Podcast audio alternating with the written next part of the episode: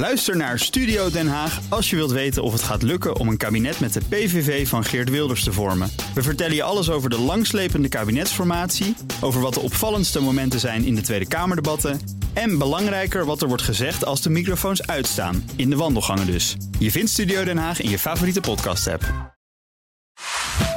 BNR Nieuwsradio. Boekenstein en de Wijk. Hugo Reitsma. This station has interrupted its regular program at the request of the United States government. Welkom terug in de Koude Oorlog. All broadcast stations shall broadcast EAN message number two, red card. Please inform him that I too have a nuclear button, but it is a much bigger and more powerful one than his, and my button works. Unquote. Die Zeiten, in denen wir uns auf andere völlig verlassen konnten, die sind ein Stück vorbei. Atomic power, atomic power. It was given by the mighty hand of God. Boekenstein en de Wijk gaan terug in de tijd. Want we hebben het vandaag over kernwapens, de Russen en een verdeeld Europa. Op zoek naar de nieuwe wereldorde met in de studio Arend-Jan Boekenstein als Henry Kissinger. Allemachtig. En Rob de Wijk is onze Zbigniew Brzezinski. Is dat zo? Oh, Of is- wilde jij die voor Kissinger zijn? Ik, ik zat nog te twijfelen daarover. Ja, maakt mij niet zo Nee, is goed. Ja. Ze zijn allebei goed hoor. Ja, zijn allebei goed. Ja, ik dacht eigenlijk eerst aan jou als Kissinger, maar toen dacht ik aan die uitspraak van Kissinger van eh, macht erotiseert. Dus ultieme afrodisiac. toen dacht ik toch weer aan jou. weet je wel. Dus- Dat is logisch. Ja. en omdat, eh, zoals de Buchanan Brothers net zongen, atomic power is given by the mighty hand of God, hebben we ook het CDA uitgenodigd. Heel goed. Europarlementariër Esther de Lange, welkom. Dankjewel. Of wie zullen we jou maken uit de Koude Oorlogstijd? Nou, ik vrees dit ergste. Laten we het maar gewoon openlaten. Het is te gevaarlijk dit. We we zaten nog even over Ruud Lubbers te denken. Maar... Thatcher, is dat hier wat voor jou? Ja, dat heb ik al vaker naar mijn hoofd gekregen. Ik weet nou niet. Oh ja? Ik ga het als een compliment Nou, dan houden we er Ja. gewoon in. Het maar. Nou, Nu we dan weten wie we allemaal zijn. Ehm, het Pentagon publiceerde eerder deze maand de Nuclear Posture Review. Iets met kernwapens. En Rob, jij begon meteen over, daar moeten we het over hebben. Ja, nee, kijk, elke president eh, aan het begin van zijn eh ambtstermijn eh, produceert een papier eh, met gedachten over hoe die met afschrikking en kernwapens wil omgaan. Nou, het wachten was natuurlijk eh, op zo'n ding van, eh, van Trump. En het interessante is dat Trump een aantal wegen totaal anders inslaat. 80, 90 procent is eigenlijk gewoon een voortzetting van wat Obama wilde, inclusief de modernisering van het kernwapenarsenaal. Daarmee kan je dus ook direct zien eh, wat een enorme continuïteit daarin zit. En dat wat Obama wilde, namelijk een kernwapenvrije wereld, dat dat er absoluut niet van kon komen. Omdat hij zelf namelijk het een, een enorm moderniseringsprogramma heeft, eh, heeft opgezet. Maar tegelijkertijd moet je constateren dat we eigenlijk weer terug zijn bij de discussies in de jaren 60 over kleinere kernwapens, over bruikbare kernwapens, over een nucleair slagveld. Dat dan helaas in Europa zal moeten plaatsvinden. En kleinere kernwapens, dat Ja. vind ik heel on-Trumps eh, klinken. Eh, nee, dat heeft eh, te maken met het idee dat hoe kleiner een kernwapen is, hoe geloofwaardiger die kan worden ingezet. Dat gaat eigenlijk terug naar de discussies die we in 1967 eh, hebben gehad over flexibility in respons. Toen was ook het idee van hoe kunnen we nou ontkomen aan dat dilemma dat wanneer je kernwapens inzet, dat het eigenlijk het einde betekent van de wereld. Moet je dan niet een aantal kleinere kernwapens hebben die niet direct het einde van de wereld eh, betekenen. Nou, Het is toch altijd en toen een is er een discussie logica, ontstaan. Dat is gewoon een technische discussie geweest over kleinere kernwapens, tactische kernwapens in Europa. Misschien is het toch wel, dat is natuurlijk al een tijd geleden, maar realiseer je dat de afgelopen 30 jaar bijna alles is afgeschaft in Europa. Vroeger hadden we nucleaire houwitsers. We hadden nucleaire dieptebommen om onderzeeërs eh, te, kunnen, eh, te kunnen vernietigen. We hadden nucleaire korte afstandsraketten die op het slagveld konden worden gebruikt. Dat is allemaal weg. En het enige wat we nu nog in Europa over hebben, dat zijn vliegtuigen. En die staan in, eh, als het goed is ook in, in volkel. Voorzien van kernwapens. En ja, die moeten dan als eerste worden ingezet als er iets helemaal fout gaat in Europa. Ja. Maar zijn die, die eh, als ik, je, ik, ik snap wat je, wat je zegt, maar is het, is het ook goed? Is het ook logisch dat je die, die, die, die afschrikking van kleinere kernwapens hebt? Of is het Nou dan ja, weer een nieuwe je, Het hele wapenwetloop? punt is dat het natuurlijk gewoon een theoretische discussie is. Er zijn boekenplanken over volgeschreven tijdens eh, de Koude Oorlog. Het is een theoretische discussie. Eh, dat is het nog steeds. En ook de discussie die nu door Trump wordt aangezwengeld in, eh, in die nuclear posture eh, review. Dat is een theoretische discussie. Er valt iets voor te zeggen, theoretisch. Maar godzijdank is het nog nooit in de praktijk uitgeprobeerd. Dus je weet gewoon niet of die theorie werkt. Je weet het gewoon niet. Huh. Ah, Arjan, jij bent ook met dit soort onderwerpen bezig, hè? Ja, weet je, de, de politieke kant is hier zo interessant van. We- Wij krijgen misschien wel een soort herhaling. Weet je nog, die hele debat over de kruisraketten vroeger? Met een enorme Lubbers, kloof ja. eh, tussen wat Nederlanders vonden en wat Amerika dan wilde. Uiteindelijk zijn die kruisraketten overigens helemaal niet geplaatst. Hè. Nou, nu is het zo dat... eh, ik, ik kreeg toevallig gisteren alle moties toegestuurd van de Nederlandse Kamer over die kernwapens. En dan zag je iedereen, hè, van CDA tot en met eh PvdA en GroenLinks en ChristenUnie... die dromen echt van een wereld zonder kernwapens. Dat is waar de Nederlandse Kamerlid warm van wordt. Hè. Terwijl dus Toch ook een mooi idee. ja, ja, nou ja, ik, ik zou zelf zeggen, maar ja, wie ben ik? Als de, ander, als de tegenpartij een kernwapen heeft, dan wil ik er ook een hebben. Ik geloof in, ik geloof in afschrikking ik geloof ook alleen maar in tweezijdige ontwapening. Nou, eh, Obama heeft al besloten om te moderniseren, maar Poetin heeft dat ook. Wat er nu gaat gebeuren is dat je voelt het gewoon aankomen, zowel in Duitsland heeft een kernwapentaak, maar in Nederland ook. Du- Duitsland en die willen eigenlijk niet. Althans, de bevolking wil niet. Dus wat je ziet gebeuren is dat Trump die wil gaan moderniseren. En die zegt dan van ja jongens, als jullie zo vervelend zijn... Hè, dan ga ik het wel vanaf een onderzeeboot afschieten. En dan hebben wij helemaal nergens meer invloed op. Hè. Dan zijn we weer gewoon de bijwagen. Dus dit wordt politiek heel interessant. Dat de wijze mensen dan gaan zeggen van nou... om nou alles tegen te houden is ook niet zo verstandig. Want daar luistert helemaal niemand minder. Ze hebben nergens meer greep op. Hè.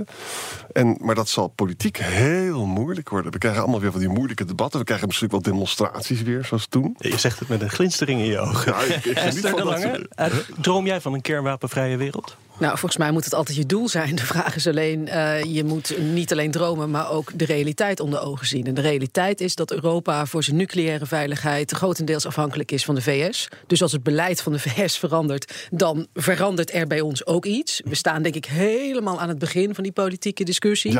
Ehm, maar wat ik eigenlijk nog eh, zorgwekkender vind dan het feit dat eh, Trump nu meer inzet op die kleinere kernwapens. Klein trouwens, het is nog steeds vergelijkbaar met wat er viel op Nagasaki. Dat waren nog steeds 70.000 doden. Dus ik wil het wel even in perspectief Ja, eh, zetten.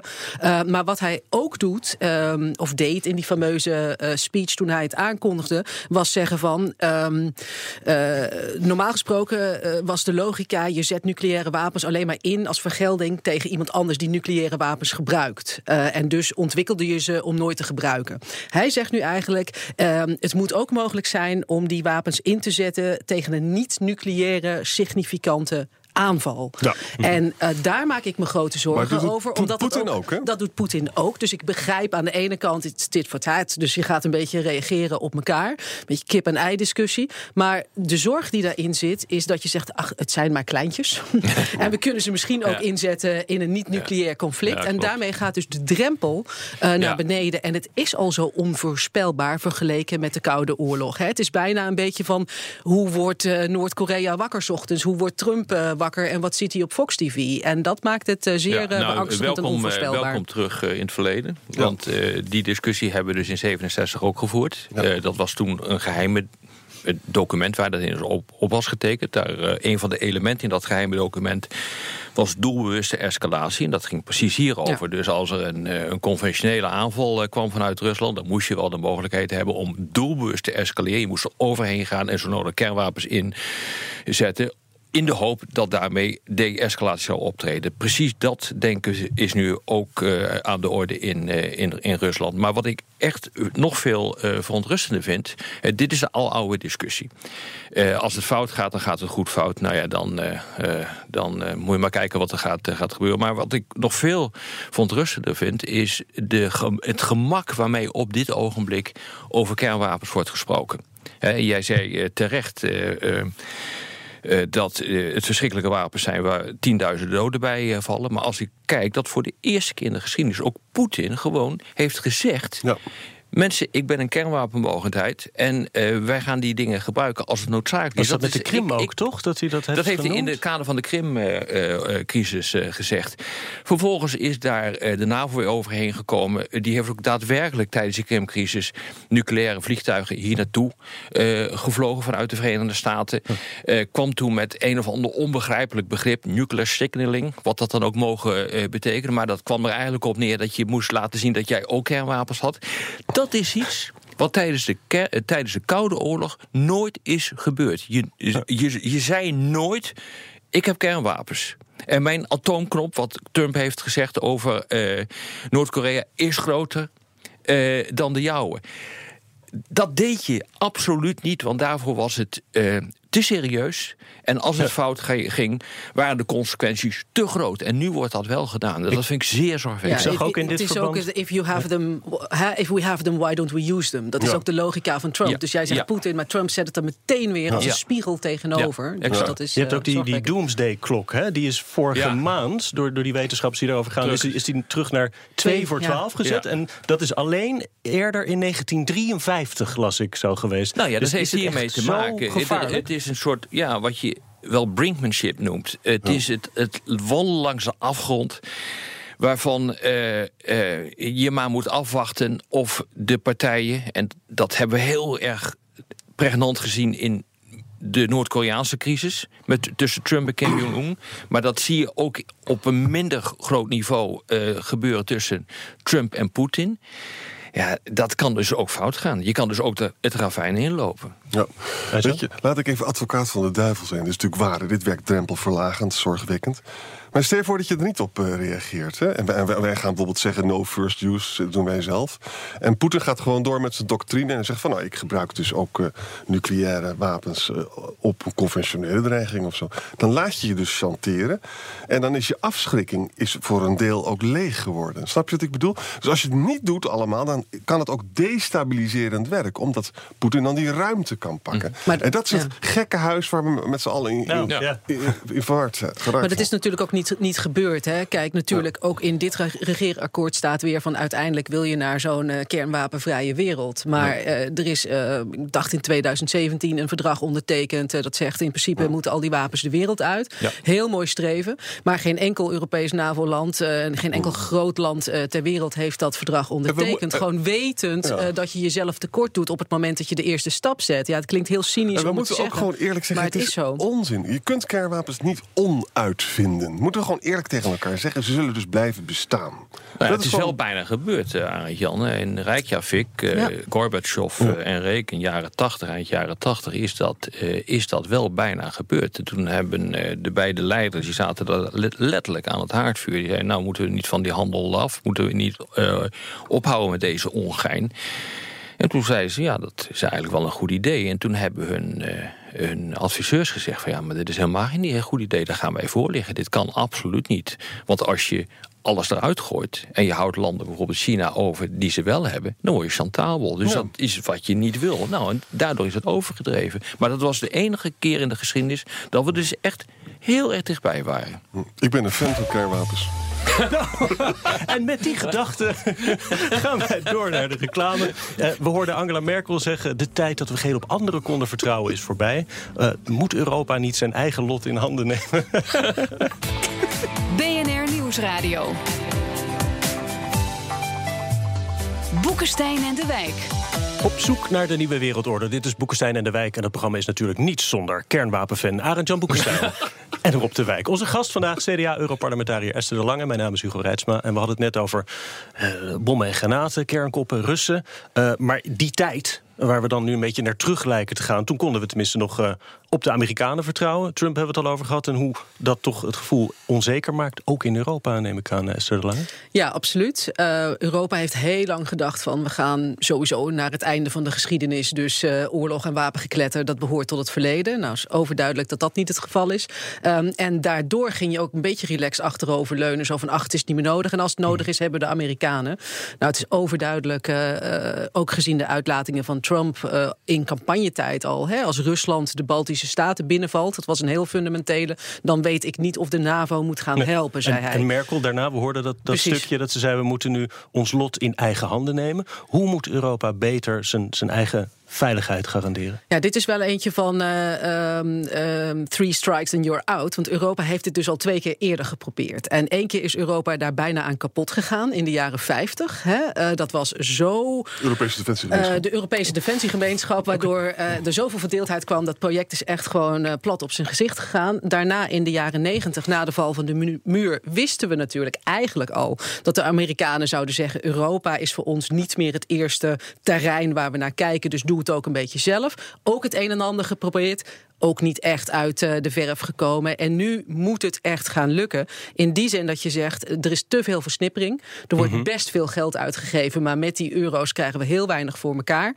Ook omdat we gewoon eigenlijk bijvoorbeeld um, meer uh, verschillende types fregatten hebben. dan dat we werktalen in de Europese Unie hebben. Nou, dat zijn er 24 in het Europees Parlement. Maar we hebben nog meer verschillende soorten wapensystemen. En daar moet vooral uh, meer coherentie in komen. zodat dingen met elkaar kunnen communiceren. Heel simpel. Ja. Je kan bijna geen legereenheid door Europa heen laten rijden, vliegen, ga zo maar door. Omdat er allerlei andere regels aan verbonden ik las zijn. zoiets, dat was een Nederlands plan, geloof ik. Ja. Toch een, een uh, dat militaire Schengenzone. Ja. Hoe, hoe, hoe, ziet dat eruit? Nou, een Schengenzone is eigenlijk een Europa zonder grenzen. Uh, dus je, wat je eigenlijk wil is militair materieel. Om, als er bijvoorbeeld uh, iets gebeurt in de Baltische Staten... om militair materieel daar snel naartoe te kunnen krijgen. Dat kan u niet. Nee, ten eerste zakken al die tanks door de brug uh, heen. Want die oh, zijn er niet meer op, uh, uh, opgebouwd. In, tijdens de Koude Oorlog wel, maar die eisen zijn gewoon veranderd.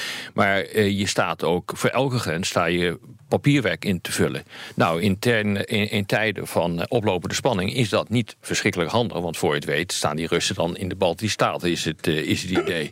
nou ja, jij eigenlijk Jan lacht, maar het is gewoon echt, het is nog veel, te genieten.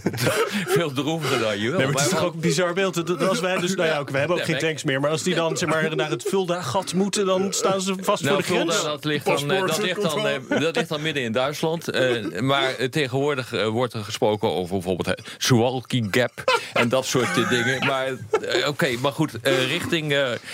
Richting Baltische Staat is het bijna onmogelijk om je militaire middelen daarheen te krijgen. Maar realiseer je wat dat betekent. Als je dat dus niet kunt en als je dus militair conventioneel zwak bent, we het net over kernwapens, dan wordt die atoomdrempel verlaagd. Dus als je het conventioneel niet aan kan. Aha. en er is een, uh, een aanval van Rusland op uh, de Baltische Staten. Nou zullen een hele hoop uh, mensen die nu zitten te luisteren denken van. dat gaat helemaal niet gebeuren. Dat weet je natuurlijk nooit, want de Krim die is ook ingepikt. Hè? maar als dat dus gaat gebeuren. Ja, dan kom je heel snel in een situatie terecht waarin je of de Baltische Staten opgeeft, maar dan heb je eigenlijk feitelijk de hele NAVO opgegeven. Of je gaat dreigen met de inzet van kernwapens. Hm. Ik bedoel, dus er is een directe reden uh, om dit te doen en om dit gat te repareren. Precies wat Esther uh, zo net zei. Dus ja. grensovergangen hebben we, de bruggen, wat nog meer? Nou, kijk, het, het, het voorbeeld wat, um, wat net genoemd wordt... is ook een voorbeeld dat op het wensenlijstje staat van de lidstaten zelf. Uh, ik ga niet al te technisch worden, maar er zijn afspraken gemaakt... over structurele samenwerking op defensiegebied. Ja. En vroeger probeerde men dat heel erg van boven naar beneden op te leggen. En dan werkt het dus niet in ja. Europa. Wat ze nu gedaan hebben is zeggen tegen de lidstaten... maak een wensenlijstje, nou dat militaire Schengen of, of, het zorgen dat, dat men snel kan bewegen, mobiliteit, dat staat daarop. Wat er ook op staat is uh, bijvoorbeeld het ontwikkelen van robots uh, die mijnen op zee kunnen ontmijnen uh, en oh. dat soort zaken. En dat, het opvallende is wel dat van die 20 projecten die op die verlanglijstjes staan, waarbij niet alle 28 of 27 lidstaten hoeven mee te werken, maar je ook met kleinere clubjes kan werken. Daar ben ik zelf ook wel fan van, want als je moet wachten op de laatste, gaat het ook niet zo snel. veel van die projecten, ik geloof zeven van de 20 is Nederland op de een of andere manier bij betrokken. Ja. Dus volgens mij, en dat stemt mij dan wel weer een beetje hoopvol, uh, zou het de derde keer wel kunnen lukken. Juist omdat we niet proberen met 28 van boven naar beneden iets logs op te leggen, maar dat je heel erg uitgaat van wat is er nou nodig? Nou, dit is er heel erg nodig en daar gaan we gewoon met een kleine clubje aan beginnen. Ja. Kijk, wat natuurlijk ook geweldig zou zijn, ik weet dat het niet kan, maar het is wel geweldig. De Sarkozy heeft al aangeboden om de Franse vorstenschap uit te breiden tot Duitsland. Hè. Daar zou Duitsland voor moeten Franse halen. kernwapens. Ja. Nou, nu speelt het weer. Er is zelfs een onderzoek geweest van de notabene de Bundestag. Te kijken of het juridisch allemaal zou kunnen. Dat zou dus kunnen. Duitse bevolking is in meerderheid hartstikke tegen. Heel gevoelig. Merkel houdt er kaken op Ja, elkaar. Franse kernwapens in Duitsland. Dat, Ja, maar moet je voor, maar stel je nog voor dat het zou idee. gebeuren. En dan gaan de Duitsers daarvoor betalen. En dan komen ze ook op Duits grondgebied. Het zou natuurlijk, ik ben niet iemand die geïnteresseerd is in meerderheidsopvatting. Het zou de, het- de, de stabiliteit versterken. Het zou Europa krachtiger maken. Echt waar. Als je met die discussie begint, sla je me ook wel weer plat. Ja, Dus eh, dat weet- volgens, mij, ik wel. volgens mij is het verstandig om, om eerst met zaken als mobiliteit te beginnen. Tuurlijk. Juist omdat Rob heeft aangegeven dat er wel degelijk een link is. Want als je dat niet op orde hebt, Ja. ben je veel meer speelbal van de rest. En eh, grijp je ook sneller naar die Ja, en kernwapens. je Dus, noemt mobiliteit, ja. maar bijvoorbeeld ook het zaken als energie. Eh, Daarin hebben we natuurlijk ook heel erg met de Russen te maken. Ja, absoluut. En de Baltische Staten werden net genoemd. En, en, en Rob zei van ja, en dan roepen mensen weer van... eh, dat wordt, gaat helemaal niet gebeuren dat die worden ingenomen. Maar digitaal is Rusland al permanent bezig met aanvallen ja. eh, op eh, de Baltische Staten. Dus ehm, je merkt dat Rusland op allerlei manieren probeert om eh, zelf sterker te worden... en Europa zwakker te houden of nog zwakker te maken. En dat speelt via de discussie over het beïnvloeden van, van nieuws. eh, maar ook op het gebied van energie. En cyberaanvallen.